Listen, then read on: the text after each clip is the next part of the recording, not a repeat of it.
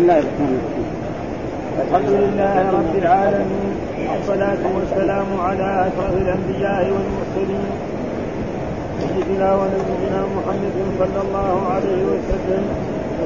قال الإمام البخاري رحمه الله بسم الله الرحمن الرحيم. كتاب الاستئذان باب بدء السلام. قال حدثنا يحيى بن جعفر قال حدثنا عبد الرزاق عن معبد عن همام عن أبي هريرة عن النبي صلى الله عليه وسلم قال خلق الله آدم على صورته طوله ستون ذراعا فلما خلقهم قال اذهب فسلم على أولئك نفر من الملائكة جلوس فاستمع ما يحيونك فإنها تحيتك وتحية ذريتك فقال السلام عليكم. فقالوا السلام عليك ورحمة الله. فزادوه ورحمة الله. فكل من يدخل الجنة على صورة آدم فلم يزل الخلق ينقص بعد حتى باب قول الله تعالى يا أيها الذين آمنوا لا تدخلوا بيوتا غير بيوتكم حتى تستمسوا وتسلموا على أهلها. ذلكم خير لكم لعلكم تذكرون. فإن لم تجدوا فيها أحدا فلا تدخلوها حتى يؤذن لكم. وإن قيل لكم ارجعوا فارجعوا هو لكم. والله بما تعملون عليم. ليس عليكم جناح ان تدخلوا بيوتا غير مسكونة فيها متاع لكم. والله يعلم ما تبدون وما تكتمون. وقال سعيد بن أبي الحسن للحسن إن نساء العجم يكن قدورهن ورؤوسهن. قال اصرف بصرك عنهم. يقول الله عز وجل قل للمؤمنين يغضوا من أبصارهم ويحفظوا فروجهم. قال قتادته ما لا يحل لهم وقل للمؤمنات يغضبن من أبصارهن ويحفظن فروجهن خائنة الأعين من النظر إلى ما نهي عنه. وقال الزهري في النظر إلى التي لم تحق من النساء لا يصرف النظر إلى شيء منهن ممن يشتهى النظر إليه وإن كانت صغيرة وكره عطاء النظر إلى الجوهر التي يفعل بمكه إلا أن يريد أن يشتري.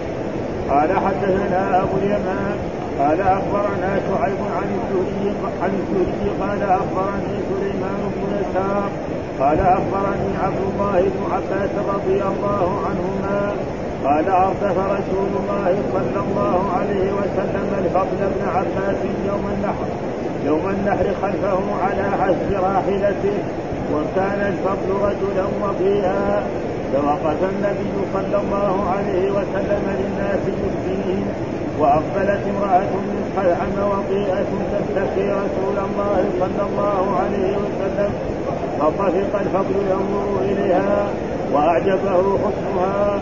فالتفت النبي صلى الله عليه وسلم والفضل ينظر إليها فأخلف بيده برقم الفضل فعدل وجهه عن النظر إليها.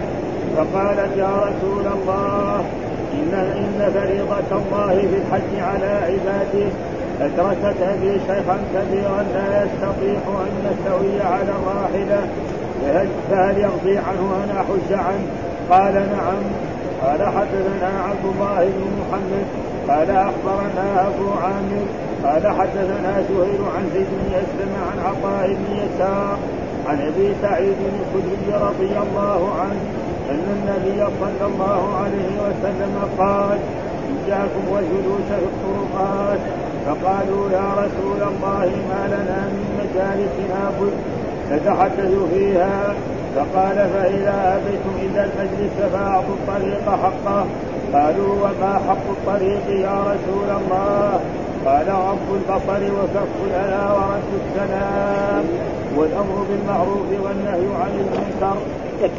أعوذ بالله من الشيطان الرجيم. بسم الله الرحمن الرحيم. الحمد لله رب العالمين والصلاة والسلام على سيدنا ونبينا محمد وعلى آله وصحبه وسلم أجمعين. يقول الإمام الحافظ محمد بن إسماعيل البخاري رحمه الله تعالى بسم الله الرحمن الرحيم كتاب الاستئذان باب بدء السلام. وهذه عادته كل أمر ببال لا يبدا فيه بسم الله فهو أكثر كأنه كتاب يعني مستقل وجزء مستقل. ولذلك يبتدئ كما بدأ الله القرآن بذلك وكما كان سليمان إنه من سليمان وإنه بسم الله الرحمن الرحيم. ثم ذكر كتاب باستئذان وكتاب بمعنى مكتوب. ها يعني مصدر والمراد به اسم المفعول يعني هذا مكتوب تذكر فيه الأحاديث والآثار الواردة عن رسول الله صلى الله عليه وسلم في الاستئذان، إيش؟ ما معنى الاستئذان؟ الاستئذان طلب الإذن في الدخول لمحل لا يملكه المستأذن، هذا معنى الاستئذان. ها الاستئذان طلب الاذن في الدخول لمحل لا يملكه. أما إذا كان يملكه أو بيته فإن استأذن فبها ونعمه واذا ما استأذن فليس عليه شيء. بيته يبغى يدخل الأحسن أن يستأذن فيدرك أجر السلام. وإذا ما استأذن وما سلم فليس عليه شيء. فالاستئذان طلب الاذن بالدخول لمحل لا يملكه المستأذن.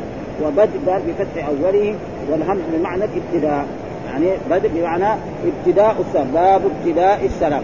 بدء مصدر لكن المراد به يعني باب ابتداء السلام. يعني متى ابتدئ السلام؟ وهو أن الله لما خلق آدم أمره أن يذهب إلى نفر من الملائكة ويسلم عليهم فيجاوبوه فقل لهم السلام. قال له قل لهم السلام عليكم وانتظر انت ما يجاوبونك به فتكون هذه تحيتك وتحية ذريتك إلى يوم القيامة. فهذا معناه والقرآن يقول واذا حييتم بتحيه فحيوا بأحسن منها وكثير آيات القرآن سلام على الياسين سلام على هذا إلى غير ذلك من الآيات فلذلك بدء السلام. حدثني رجل انه استاذن على النبي وهو في بيته. يعني كذلك الإنسان ما يجي مثلا يعني يستاذن يقول له آه أدخل. أو ها آه لازم يوقف عند الباب ويقول السلام عليكم فإذا قيل له فأذن له دخل. وإذا ولذلك رجل لما جاء إلى بيت الرسول صلى الله عليه وسلم وقال أألي يعني أدخل الرسول ترك أرسل إليه خادمة وقال له إذا أردت أن تقول السلام عليكم أدخل.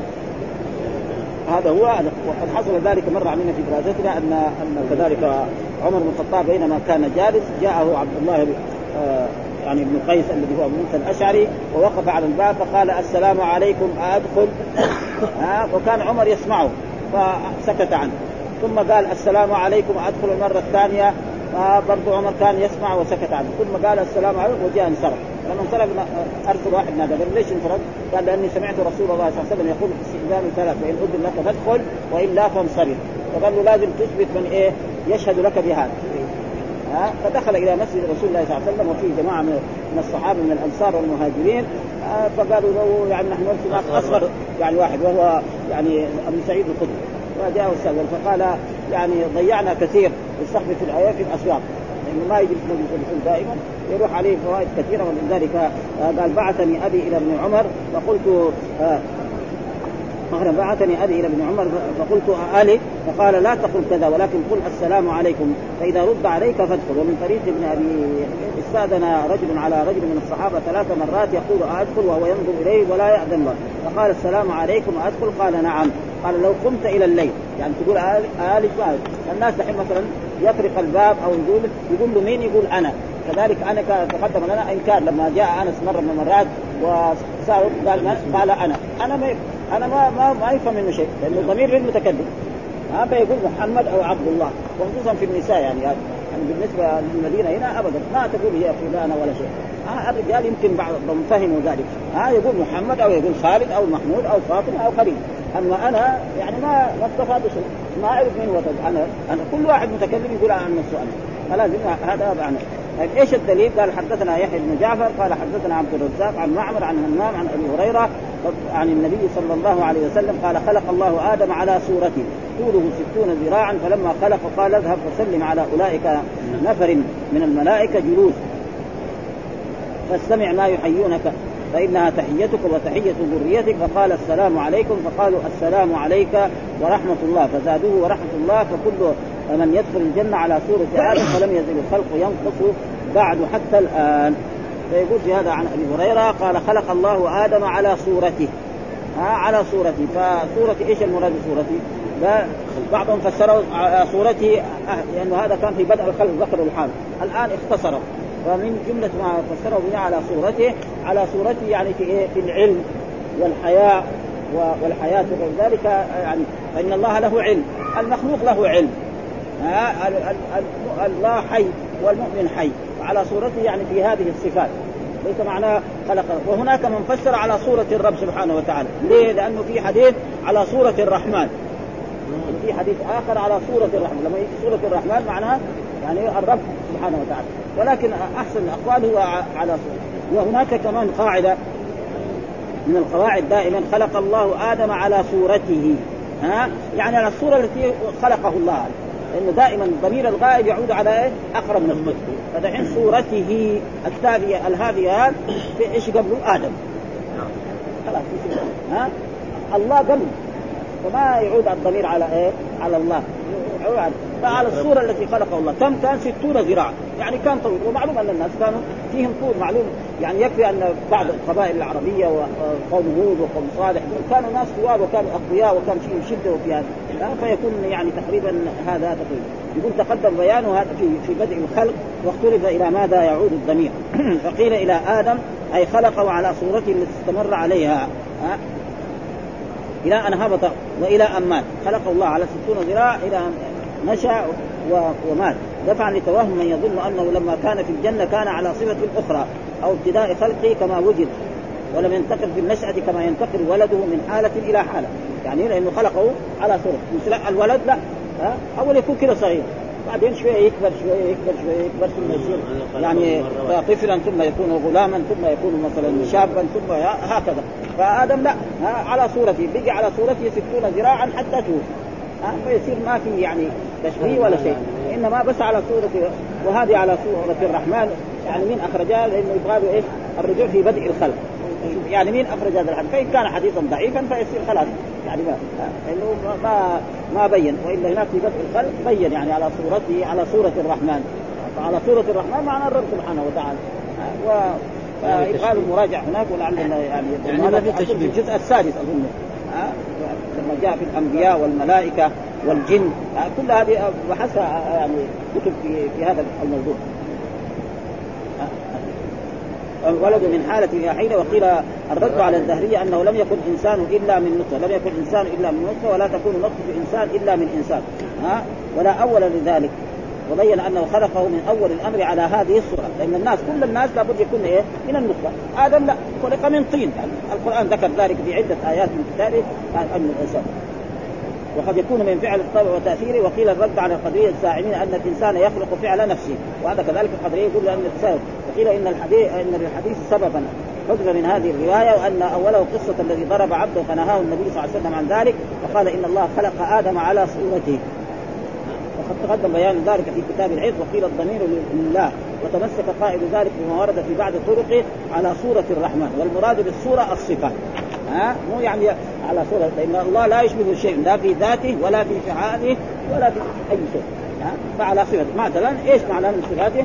أن الله له علم المخلوق له علم علمه علم المخلوق ما يكفي ذلك قصة موسى مع الخضر رضي الله تعالى يعني عليه السلام. فإن الخضر لما ركبوا في السفينة وجاء طير ونقر من البحر قال له الخضر ما علمي وعلمك إلا كما أخذ هذا الطير من البحر. ومعلوم إيش يأخذ من البحر الطير؟ فعلم الله وكذلك حياة المخلوق. فيكون يعني في الصفات ويصير ما في يعني يعني تشبيه ولا في أي شيء يعني يخشى عليه. الانسان يخلق على نفسه إيش معنى؟ يعني القدرية كده يقول. ان العبد يخلق أفعال نفسه. هذا غلط ها؟ ها؟ ها؟ لأن الله يقول ما تشاءون إلا أن يشاء الله. المخلوق له مشيئة وله قدرة لكن مشيئته إيه؟ تحت مشيئة الرب. ما هي مستقلة. هم يقول لا مشيئته مستقلة. ها يبغى يؤمن يؤمن. يبغى يكفر يكفر لا آه. والقرآن يرد عليه. وما تشاءون. هذا تشاءون للمخلوق. ها؟ إلا أن يشاء الله. فمعنى مشيئة المخلوق له مشيئة وله قدرة وله إرادة لكن ما هي مستقلة بل هي تحت مشيئة الرب سبحانه وتعالى. واذا هنا والمعنى أن الله خلق على صفته من العلم والحياة والسمع والبصر. فإن الله يسمع ويبصر والمخلوق يسمع ويبصر. معلوم أن سمع الله غير يسمع جميع الأصوات ويبصر جميع. والمخلوق سمعه محدود. فيصير ما في تشبيه ولا في أي شيء إلى غيره. وإن كانت صفات الله تعالى لا يشبهها ها اذهب فسلم على أولئك. وفيه إشعار بأنهم كانوا على بعد. يعني ما يعني كان هنا آدم وقال له اذهب إليهم في جهة من الجهات هناك بعيدة على ابتداء آه، آه، لورود الأمر بذلك وهو بعيد بل ضعيف لأنها واقعة حال وقد نقل ابن عبد أن الابتداء بالسلام سنة. وبعضهم يقول أنه واجب آه، ولكن في كلام يقتضي إثبات خلاف ذلك وبعضهم يرى أنه فرض كفاية. فرض فاذا قام به البعض صغر ابتداء السلام سنة ورده واجب وهذا هو المشهور عند أصحابنا وهو من عبادات الكفاية. يعني إيه؟ فرض كفاية. فأشار بقوله المشهور إلى الخلاف بوجوب الرد على فرض عين عين أو كفاية وقد صرح بعد ذلك بخلاف أبي موسى كما ساذكره بعد. وقع في كلام عبد الوهاب فيما نقل عنه عياض قال لا خلاف أن ابتداء السلام سنة أو فرض عن الكفايه إن سلم واحد من الجماعة أجزى عنه. فاستمع وفي رواية فاسمع ما يحيونك. كذا لتاكثر من التحيه وكذا تقدم في خلق آدم عبد الله. نعم وفي الأدب عن عبد الله المذكور. فإنها يعني الكلمات إنه السلام عليك جملة. ومعلوم أن الكلمات تارة يطلق بها الكلمة المفردة وتارة يطلق بها الجملة. ها وكلمة بها كلام قد يؤم ومثل يعني لأن كلمة. هو قائلها. كلا إنها كلمة. كلمة يعني إيه؟ وقول الله تعالى الكافر رب ارجعوني لعلي أعمل صالحا فيما تركت. كلا. فإذا فإنها وهذا كثير ما ها؟ وجاء في الحديث مرفوعا ما حسدتكم اليهود على شيء ما حسدوكم على السلام والتأمين وهو يدل على أنه آه أنه شرع لهذه الأمة دونهم. يعني السلام ما كان إيه؟ وفي حديث أبي ذر لكن الذي يفهم كذلك أن اليهود كانوا يفعلون يعني يسلمون لكن ما ما يقولوا السلام عليكم يقولوا السلام عليكم. فإذا قالوا السلام عليكم كان الرسول يقول وعليكم. ها؟ ها؟ ويقول عليكم. ما يقول ما بدون إيه؟ بدون واو. وفي قصة اسلامه قال جاء رسول الله فذكر الحديث وجاء وكذلك يجوز السلام بالألف واللام ويجوز سلام. يعني ما في شيء. ولكن بعضهم يرى إنه السلام يكون بدون ألف ولام يكون إيه؟ بالموتى وهذا جاء ها جاء في الاحاديث الصحيحه عن رسول الله صلى الله عليه وسلم لما عائشة سألت الرسول ماذا أقول إذا زرت القبور فقال قولي السلام عليكم دار قوم المؤمنين وإنا إن شاء الله بكم لاحقون يرحم الله المستقبلين منا ومنكم النساء ها وبعضهم يرى إنه الموتى يقال لهم سلام. لا ها والقرآن جاء والملائكة يدخلون عليهم من كل باب سلام. ما في ألف ولام وكذلك سلام على نوح. ها سلام على إلياسين. موجود يعني ها فما في يعني فرق بين. إنما بالألف واللام يكون إيه؟ يعني يعني أحسن وأعظم يعني كل ذلك إذا قال ابتدى وعليكم السلام لا يكون سلام. إذا قال وعليكم السلام هذا يقول ما السلام وهذا. السلام. قول السلام على أهل الديار من المؤمنين. قلت وكذا أخرجه مسلم أن السلام على الأموات والأحياء سواء بخلاف ما كانت عليه الجاهلية من قولهم عليك سلام الله قيس بن صعصع و... و... وكان وهذا كذلك رد على الجهلة. كانوا إيه يقول أنعم صباحا ها؟ أو أنعم مساء. أو غير ذلك من الأشياء التي كانت الجاهلية. فجاء الإسلام بإيه؟ وإذا حييتم بتحية فحيوا بأحسن منها أو ردوها وهذه يعني أحسن أحسن شيء في النساء ها؟ النساء يجوز مسألة فيها خلاف. ولكن أصح الأقوال أن الذي يظهر بأنه يجوز. ها الذي يظهر بأنه أنه يجوز وإن كان يعني إخواننا من طلبة العلم وخصوصا يعني شيخ الإسلام ابن تيمية وابن القيم والجماعة المشايخ من الدين يروا أنه يعني لا يصح. ها واستدلوا بالحديث آه لعنة الله يعني لعن الله آه آه مثلا المتخذين عليه المساجد. عليها القبور والمتخذين عليها. يعني زورات القبور. ها لعن لعن الله زورات القبور والمتخذين عليها المساجد. الحديث في إيه؟ في السنن موجود هو الحديث. لكن هناك إحنا مر علينا في فتح الباري. ها مر علينا في فتح الباري. في في كتاب الجنائز. أن أن أتى بحديث رسول الله صلى الله عليه وسلم لما مر الرسول على امرأة عند قبر تبكي. فقال لها الرسول يا أمة الله اصبري. فقالت إليك عني. كذا إليك عني. فلما قالوا قالوا له هذا رسول الله. تقولي هذا كلام بهذا فجاءت تجري وجاءت دخلت على بيت ولم تجد خادم ودخلت على الرسول فقالت ما لها الرسول إنما الصبر عند الصدمة الأولى. الحافظ بحث هذا كان يعني أتذكره يعني تمام. قال الرسول ما أنكر عليها زيارة القبور. ولو كان ما يجوز آه كان إيه؟ كان يقول لها أول هذا ينكر عليها هذا وما ينكر عليها والمسألة زي ما قلنا مسألة فرعية وهناك يعني الشوكاني ذكر في هذا حديث في يعني في شرح في منير الأوطار ذكر أن فاطمة كانت تزور قبر عمها حمزة. ها؟ وأن كذلك يعني أخوات عبد الله بن عمر لما مات في مكة زارته. يعني تقريبا في هذا. ثم قوله مثلا فزوروها. دائما الأوامر لما تجي الرجال والنساء كله يدخلوا فيها. حتى يجي أمر إيه؟ للرجال سواء أو النساء. والحديث موجود. فالمسألة إذا مسألة فرعية يعني لا يشدد فيها. فالذي رأى أنه ما بشرط أن تكون تزور إيه؟ مؤدبة. ها؟ ها؟ بدون سياح وبدون هذا. فإذا زارت فإنها يعني تذكر الآخر. فزوروها لأنه في أول الاسلام الرسول منع زياره القبور مره ها ثم بعد ذلك قال فزوروها فإنها تذكر الآخرة نعم. وتسهل في الدنيا. ها والمرأة كذلك محتاجة اذا مثل هذا.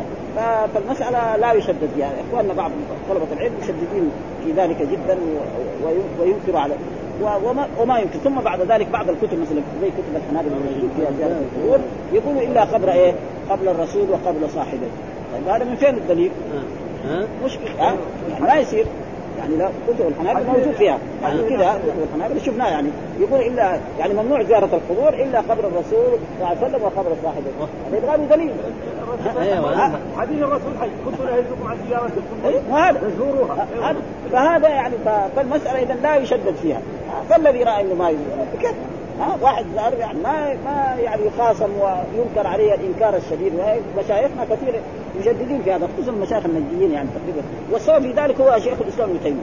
وفي في هذا شيخ وشيخ الاسلام ابن تيمية كان في في وقت غير وقت. فالمرأة دحين يعني لها وضع يعني غيرها فإذا زارت القبر بأدب وبوقار.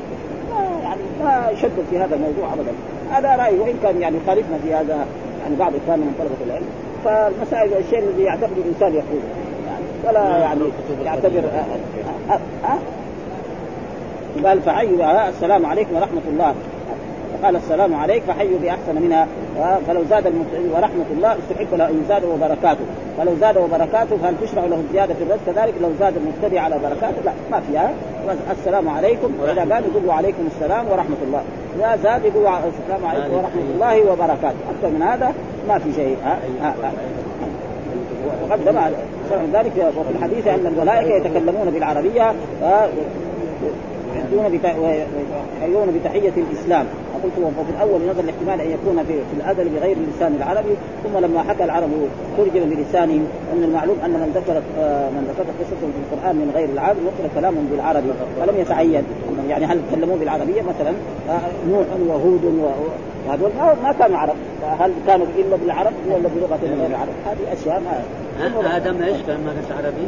إيه، ما كان عربي. وكذلك يعني بعضهم ثابت زي إبراهيم. ثابت ما كان عربي. باب قول الله تعالى يا أيها الذين آمنوا لا تدخلوا بيوتا غير بيوتكم حتى تستأنسوا وتسلموا على أهلها ذلكم خير لكم لعلكم تذكرون. فيقول يا أيها الذين آمنوا ها وقلنا يا الذين آمنوا لا سمع هذا نهي ها زي ما قال عبد الله بن مسعود إذا سمعت الله يقول يا أيها الذين آمنوا فاصل سمعك اليه إما أن تؤمر بخير وإما تنهى عن شر فإن يقول لا تدخلوا بيوتا غير حتى تستأنسوا. يكون وتسلموا على أهلها. ها بأن يستأذن ويسلم على أهلها ذلكم خير لكم. قال فإن لم تجدوا فيها أحدا. كذا. ها؟ فيها الحين هنا ما لم تجدوا. فلم تجدوا أحدا. الآية فلم تجدوا فيها ولا لا؟ فيها فيها ما يعني الله. هذه منها فيها. هذا شوفوا ما جاء هذا إيه إيه إيه. عشان هذا هذا قرآن. فإن لم تجدوا فيها فلا تدخلوها حتى يؤذن لكم. أحدا. أحدا إيه. لم تجدوا فيها أحدا. إيه. لأنه أحدا ها؟ فاذا ما وجد فيها فلا حتى يؤذن وإن قيل لكم ارجعوا فارجعوا. آه فاذا استاذن ما اذن لهم مثل ما فعل أبي موسى الأشعري لما استأذن على عمر بن الخطاب رضي الله ثلاث مرات ولم يؤذن. له انصرف. ثم ناداه عمر وقال له لماذا رجع؟ قال سمعت رسول يقول استئذان ثلاث فإن اذن لك فادخل وإلا فانصرف. فانصرف فقال عمر لازم تثبت ذلك وعمر معلوم شدته وهذا مع أبي موسى الأشعري. صحابي جليل جدا في في العلم وفي هذا ومع ذلك أتى ذلكم اذكى والله بما تعملون عليم. ليس عليكم جماعة تدخلوا بيوتا غير إذا كان ما غير مسكونه ما فيها متاع لكم والله يعلم ما تبقون وما تكتمون. آه قال سعيد بن أبي الحسن بالحسن آه إن نساء العجم. والمراد بنساء العجم يعني نساء الكفار يعني فارس والروم. آه. يعني العجم ليس معناه الذي يتكلم باللغة العجميه وهو مسلم. دائما إذا أطلق العجم يعني في الأحاديث وهذا فالمراد به الكفار العجم. مثلا مثل فارس والروم في ذلك الوقت. هذا المراد بالعجم. ليس معناه من يتكلم باللغة العجمية. أما إذا المسلم تكلم باللغة يعني كان مسلما وكان عجميا فهذا ينتسب إيه أوامر الإسلام. فلما يطلق هنا العجم المراد به الكفار. الكفار. هذا يعني لازم ينتبه له ليس معناه دحين هذا كان أول. يقول العجم معناه الكفار. الآن المسلمات يفعلن ذلك. يعني المتسمية بالمسلمات. يعني راسها مكشوف. وصدرها مكشوف. وساقها مكشوف. وتمشي في الشارع. وتروح إلى المدرسة وتروح إلى عجم الشوارع. ها؟ نسميه عجم يعني المسلمات اللي يعني العرب. موجود. في بلاد العرب هذا. وهذا تقريبا يعني شيء خطير جدا مع أن الله نهى عن ذلك وحذر من ذلك وقال آه، إن ان النساء العجم يكشفن صدورهن. المرأة تكون مع أن القرآن آه، يا النبي قل لازواجك ونساء يدنين عليهن من جلابيبهن. ذلك أدنى يعرفن فلا يؤذين. ها والجلباب هو أن تغطي صدرها وتغطي هذا واجب المرأة المسلمة هكذا أن تكون. صدورهن ورؤوسهن. قال انصرف آه، اصرف بصرك عنهن. يعني لا تنظر إليهن لأن الله قال إليه كل للمؤمنات يغضن وقل للمؤمنين يغضوا من ابصارهم يغضوا أمرك الله إنك ولو كانت هي كاشفة كذا وماشيه في الشارع أنت لا تطالب. وجاء في الأحاديث الذي مرت علينا غير من مرة أنه لك النظرة الأولى وليست لك الثانية. فإذا رجل ماشي في الشارع وماشي في الشارع وهو شاف مرأة جميلة كاشفه ونظر إليها المرة الأولى معلش. لكن كما ينظر إليها المرة الثانية المرة الثالثة فيصير هذا علم أما المرة الأولى ربنا يسامحه سهم فلا يصح له أن يفعل مثل هذا. يصرف بصرك عنهن. يقول الله تعالى قل للمؤمنين يغضوا. هذا شيء. ها؟ قل للمؤمنين يغضوا. يعني أمر كل للمؤمنين يغضوا أبصارهم ويحفظوا فروجهم. ذلك أزكى لهم. يعني أطهر لهم. أما وبعدين وكل للمؤمنات يغضضن من أبصارهن ويحفظن فروجهن. ولا يبدين زينتهن إلا ما ظهر منها وليضربن بخمرهن على جيوبهن ولا يبدين زينتهن إلا لبعولتهن أو آبائهن أو آباء بعولتهن أو إخوانهن أو بني إخوانهن أو بني أخواتهن أو نسائهن أو ما ملكت أيمانهن. فهذول يعني إيش المراد بالزينة؟ هذه كمان صار في خلاف بين العلماء. مثل كل المؤمنات يخرجن ولا يبدين زينتهن إلا ما ظهر منه. كثير من العلماء فسروا يعني الثياب حقها إلا لابسه ها مثلا المرأة تكون لابسة عباية أو لابسة كاب أو لابسة شرشف هذا يعني للناس أن ينظروا إليه. هذا طيب. يعني ينظر إليه. وهناك من العلماء من قال المراد به الوجه. ها ها يعني قالوا الوجه. والمسألة كذلك من المسائل الفرعية لأنه بعض الصحابة فسر بهذا. ها فكذلك هذه مسألة فرعية لا يشدد فيها شدة لأنه هل كل نعم صحيح. أما أصحاب نساء المؤمنات ونساء الصحابة لما نزلت يا أيها النبي قل لأزواجك وبناتك ونساء المؤمنين يدين عليهن من جلابيبهن. كل واحدة شقت مرتها وغطت وجهها وغطت صدرها وخرجت. هل كان المسلمون كلهم في ذلك الوقت في كل البلاد بهذه الطريقة؟ هذا يمكن ما في الزينه بعضهم فسره بالوجه. فالمرأة إذا مثلا في الشارع وكانت كاشفه وجهها ولكن أصح لأنه فيها الفتنة كل الفتنة فين؟ في وجه يعني المرأة زينتها كلها في وجهها فإذا تكشف وجهها وتمشي في الشارع أو تمشي أمام الأجانب أو تقعد في خطورة جدا فتنة هذا. فلأجل ذلك يجب إيه أن تغطي المرأة هذه الأشياء. ولذلك قال ولا يبدين زينتهن إلا ما ظهر منها وليضربن بخمرهن ولا يبدين زينتهن إلا لبعولتهن. هذا الوجه أو آبائهن. يعني معلوم يعني لا أن تقعد سافرة أمام زوج أبي زوجها أو آباء بعولتهن أو إخوانهن أو بني إخوانهن أو بني أخواتهن أو نسائهن أو ما ملكت أيمانهن ذكر لها عبد بعد أو التابعين غير أولي من الرجال أو الطفل الذين وليضربن بخمرهن على جيوبهن ولا فالآية على كل حال برضه من الأشياء وهناك من الصحابة من فسر هذا التفسير فذلك ذلك ولكن هو الأحوط والأصح. هو أن المرأة لا تبدي وجهها إذا خرجت في الشارع. هذا الواجب عليها. نعم. المراد نساء يعني المؤمنات. إيه. نساء المؤمنات. الكافرات ما ما تظهر ولذلك الله ذكر المحر... التحريم ولم يذكر العم ولا الخال. ليه؟ لأن العم لو كشفت وجهه أمامه والخال يروح العم يصف لإيه؟ لأولاده. لأولاده. يقول له ترى بنت عمك في ظل جميلة ترى اخطبها آه يعني القرآن راعى هذا. جاب المحرمات مع أن العم إيه؟ محرم. والخال محرم. لكن ما ذكر. ما ذكر أبدا. ها؟ ذكر هذول المعرض ولا لأن العم مثلا يشوف بنت آه بنت أخوه جميلة. يقول ولد ترى والله بنت أخوه آه بنت آه يعني عمك هذه جميلة أخطبها. أو حاول أن تراها حتى تشوفها. حفظا لايه؟ عروض يعني. ابدا. طيب يا شيخ في آية على أن يدل على أن الثياب زينة للمرأة. ها؟ يا أيها الذين آمنوا خذوا زينتكم عند كل مسجد. أيوه طيب في الصلاة. أيوه وهي زينة. ها؟ لا بس لكن هو دحين بيقول لما تكون تجي في الشارع أو تجي روح ثم أمر النساء يخرجن إيه؟ سافيات إلى المسجد. يعني لما تروح إلى إلى المسجد لازم تلبس إيه؟ ثيابا ما تلبس ثياب الزينة، الآن تتعطر المرأة. ها؟ ها؟ ها؟ الملابس إيه؟ ابدا يعني بشيء مشكله يعني ابدا فالمسألة حقيقة الناس في واد و... و... والأشياء التي أمر بها الإسلام في واد آخر. آه يعني تقريبا ولذلك كل الناس يحكمون وخائنة الأعين من النظر إلى ما نهي عنه، إيش معنى خائنة الأعين؟ يعني في جاء في الآية خائنة من النظر إلى ما نهي عنه، وقال الزهري في النظر التي لم تحض آه من النساء. لا يصلح النظر إليه، إنه مثلا آه شابة أو جارية لسه عمرها 12 مشاهد ويكفي ذلك ما قدم لنا في دراستنا أن عبد الله بن عمرو بن العاص وولده يعني عمرو بن العاص. بين الأب والولد 11 سنة. وعائشة دخل عليها الرسول وعمرها تسع سنوات. ها؟ دخل عليها الرسول وعمرها تسع وعقد عليها وعمرها ست سنوات. ويوجد في بعض البلاد يعني مرأة عمرها عشر سنوات تلد. مثلا المرأة في بعض البلاد الحارة. يعني حارة في أفريقيا يمكن ابدا عمرها تسع سنوات عشر سنوات يكون عندها طفل. لما تصير بعدين عمرها 20 تصير جدة. ممكن هذا ابدا. وفي بعض البلاد ما يمكن. مثلا في روسيا ما يمكن. ها لأنه إيه؟ يتأخر البلوغ. البارد. شده البرد. ولذلك بعض الكتب يقول مثلا البلوغ إيه؟ يكون ب 18 سنة. مع إن الرسول كان في في الجهاد وهذا كل من بلغ 15 سنة يحسبه إيه؟ ها أذن لعبد الله بن عمر أن إيه؟ في في في أحد. وفي بدر ما أذن لهم. لأنه ما كان قبل الخامسه عشر.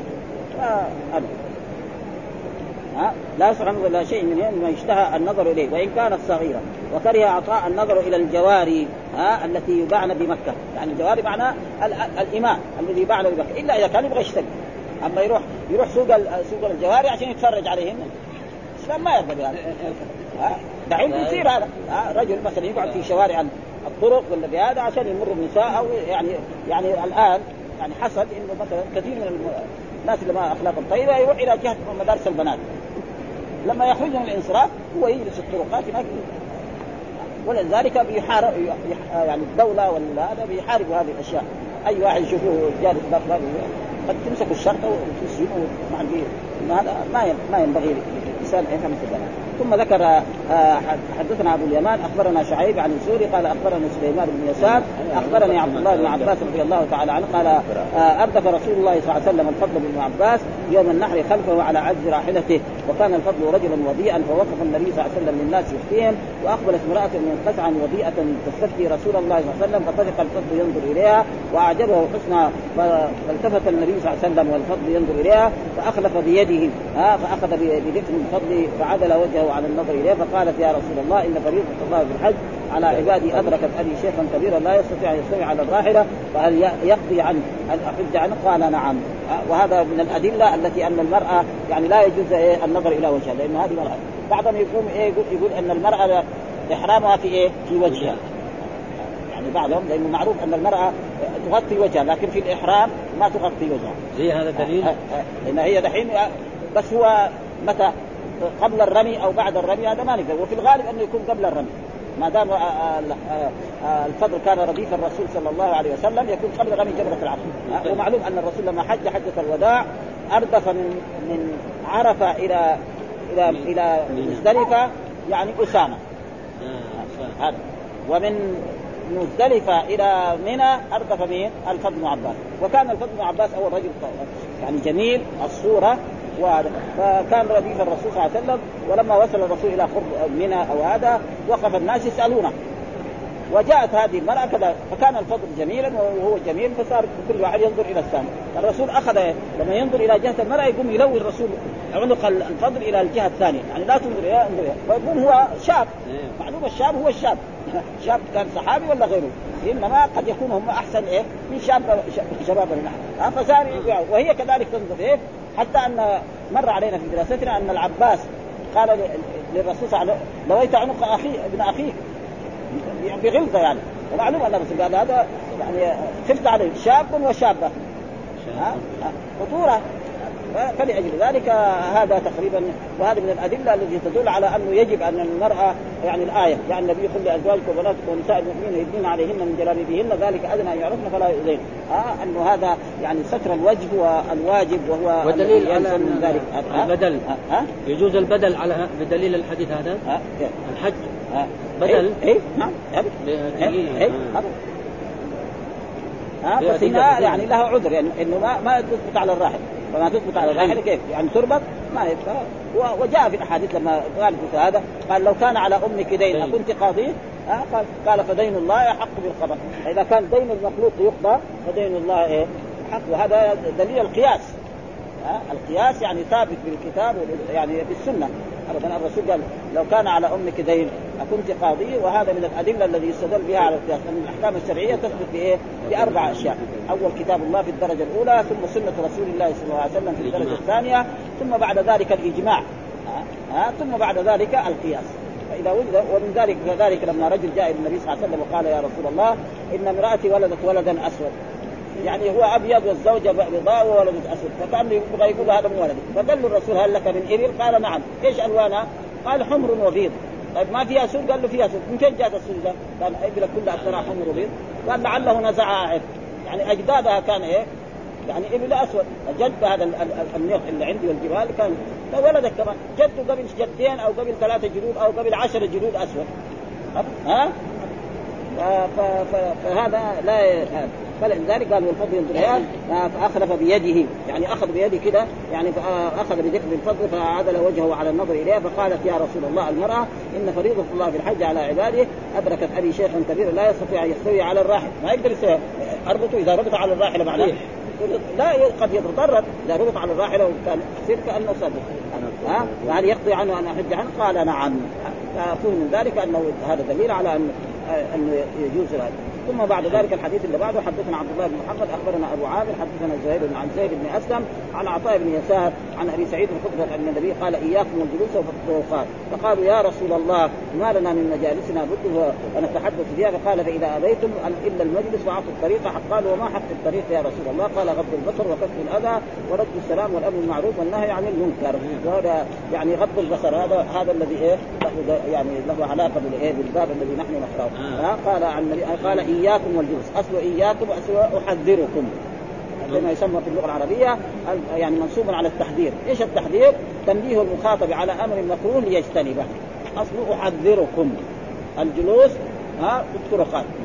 ثم حذف الفعل فانفصل الضمير. فنقول إياكم هذا منصوب على التحذير. بفعل محذوف تقديره أحذركم؟ والجلوس بعد المعطوف على هذا في الطرقات، الطرقات يعني آه، اللي في الأسواق وفي غير ذلك. المثال فقالوا يا رسول الله ما لنا من مجالسنا لأن هذه الطرقات نحن نجلس مثلا رجل يجي- يأتي في في شارع عام أو في طريق عام ويجلس أو يكون يجلس عند أخ له في دكان أو في غير ذلك أو في سوق فنتحدث فيها. ها؟ فنتحدث فيها أشياء. عن الحلال. قال فإذا أبيتم إلا المجلس فاعطوا الطريق حقه قالوا وما حق الطريق يا رسول الله؟ قال غض البصر. يعني ما يقعد في الطرق ويقعد ينظر إلى النساء ها هذا فهذا ما يجوز حسب الآية. ها وكف الأذى لا يؤذي إيه المسلمين ابدا. ها ورد السلام كل واحد مر عليه وقال السلام يقول عليكم السلام ورحمة الله وبركاته. والأمر بالمعروف إذا رأى منكر يعني رجل مرتكب شيء يعني ما أدى شيء من الاحكام الشرعية يامر وكذلك النهي عن المنكر. فإذا فعل ذلك فهذا له أن يجلس. الطرقات واما إذا لم يكن ذلك آه هذا. محل الشاهد غض البصر ما؟ غض البصر هذا. من الترجمة. يقول هنا واحد يقول في ثلاث جمعت آداب من رام الجلوس على الطريق من قول خير الخلق إنسانا افشي السلام وأحسن في الكلام وشمت عاطفا وسلاما ورد إحسانا آه في الحمل عاون ومظلوما أعن وأغث لهفانا أهد سبيلا واهد حيرانا بالعرف مر وانهى عن منكر وكف أذى وغض طرفا وأكثر ذكر مولانا؟ يعني هذه هذه من آداب الطريق. جماعة يقول في ثلاث أبيات. وقد اشتملت على معنى علة الجلوس في الطرق والتعرض للفتن وحضور النساء والشوارب وخوف ما يلحق من ذلك. وطول في في هذا. يقول وقد اشتملت على معنى علة النهي عن الجلوس في الطرق من التعرض للفتن بحضور آه، بفطور النساء الشواب وخوف ما يلحق من النظر إليهن من ذلك اذا اذا إذا لم يمنع النساء من المرور في الشوارع لحوائجهن ومن التعرض لحقوق الله. والمسلمين مما لا يلزم الإنسان إلا إذا كان في بيت وحيث لا ينفرد أو يشتغل بما يلزمه ومن رؤية المناكر وتعطيل المعارف فيجب على المسلم الأمر الأمر والنهي عند ذلك فإن ترك ذلك فقد تعرض للمعصية وكذلك يتعرض لمن يمر عليه. ويسلم عليه فإنه ربما آه، كثر ذلك فيعجز عن الرد. يعني يبغى واحد يرد عليه السلام بعدين في الآخر يدفش هو بس ولا شيء ها؟ ابدا. ها؟ ولازم إذا جلس هناك كل من مر عليه وقال له السلام عليكم لازم يقول عليكم السلام. فإذا مر عليه 20 نفر وقالوا السلام عليكم قد يتضايق هو من هذه الاشياء فلذلك عدم الجلوس في هذه الأشياء الإنسان لا يدخل السوق إلا كان إذا كان له حاجة. والمرء مأمور بأن لا يتعرض للفتن وإلزام نفسه ما لعله آه، لا يخوى عليه. فندبهم الشارع إلى ترك الجلوس حسبا للمادة فلما ذكروا له ضرورتهم إلى ذلك لما فيه من المصالح من تعاهد بعضهم بعضا ومذاكرة في أمور الدين ومصالح الدنيا وترويح النفوس بالمحادثة بالمباح آه، دلهم على ما يزيل المصيبة من الأمور المذكورة ولكل من الآداب المذكورة شواهد في أحاديث أخرى. وأما إفشاء السلام فسيأتي في باب المفرد وأما إحسان الكلام فقال عياض فيه ندب إلى حسن معاملة المسلمين لبعضهم بعضا فإن الجلوس على الطريق يمر به العدد الكثير من الناس فربما سألوه عن بعض شانهم ووجه ووجه ووجه طرق ووجه طرق فيجب أن يتلقاهم بالجميل من الكلام ولا يتلقاهم بالضجر وخشونه اللفظ وهو من جملة كف الأذى. قلت وله كذلك شواهد من حديث أبي شريح الهاني من موجبات الجنة إطعام الطعام وافشاء السلام وإحسان الكلام. ومن حديث أبي مالك الاشرف في الجنة غرف لمن أطاب الكلام. حديث وفي الصحيحين من حديث هذه نحات اتقوا النار ولو بشق تمر فإن لم يجد فبكلمة وأما تشميت العاطف فمضى مبسوطا في أواخر كتاب الأدب. وأما رد السلام فسيأتي أيضا قريبا وأما المعاونة على الحمل فله شاهد في الصحيحين من حديث أبي هريرة رفع كل سلامة من الناس عليه. صدق الحديث. وفيه ويعين الرجل على دابته فيحمله عليها أو يرفع له عليها متاعا وأما إعانة المظلوم فتقدم في حديث البراء قريبا وله شاهد آخر تقدم في كتاب المظالم. وأما إغاثة الملهوف فله شاهد في الصحيحين من حديث أبي موسى فيه ويعين ذا الحاجة الملهوف وفي حديث أبي ذر عند ابن حبان وتسعى بشدة ساقيك مع اللهفان. المستفيد واخرج في العلم من حديث أنس رفعه الله يحب إغاثة اللهفان. وسنده ضعيف جدا ولكن له شاهد من حديث ابن عباس اصلح منه والله يحب اغاثه اللهفان وأما إرشاد السبيل فروى الترمذي وصحابه ابن حبان من حديث أبي ذر مرفوعا وارشادك الرجل في أرض الضلال. صدقه وللبخاري في الأدب المفرد والترمذي وصححه من حديث البراء من ما من منح منيحة من منح منيحة أو أهدى زقا كان له عدل عتق نسمة. منيحة. منيحة معناها شاكا أو أهدى زقا أو زخافا مقتولا والمراد من ذل آه من الذل الذي يعرف ويحتاج. وفي حديث أبي ذر يسمع الأصم ويهدي الأعم ويدل المستدل على هذا. آه يعني إذا جلس واحد سأله فين الجهة الفلانية أو الشارع الفلاني يدله ها خصوصا الحجاج. ها وهذا يعني طيب فين السوق الفلاني؟ يدل ها فيكون يعني يحصل اجر خاصة المدينة وأما هدايه فله كذلك شاهد أمر بالمعروف والنهي عن المنكر ففيهما أحاديث كثيرة منها حديث أبي ذر المذكور قريبا وامر بالمعروف والنهي وأما فالمراد به كف الأذى عن المار لئلا يجلس حيث يضيق عليهم الطريق أو على باب منزل من يتأذى بجلوسه عليه أو حيث يكشف عياله أو يزيد التستر به ويحتمل أن يكون المراد كف الأذى كف أذى الناس بعضهم عن بعض. والحمد لله رب العالمين وصلى الله وسلم على نبينا محمد وعلى آله وصحبه وسلم.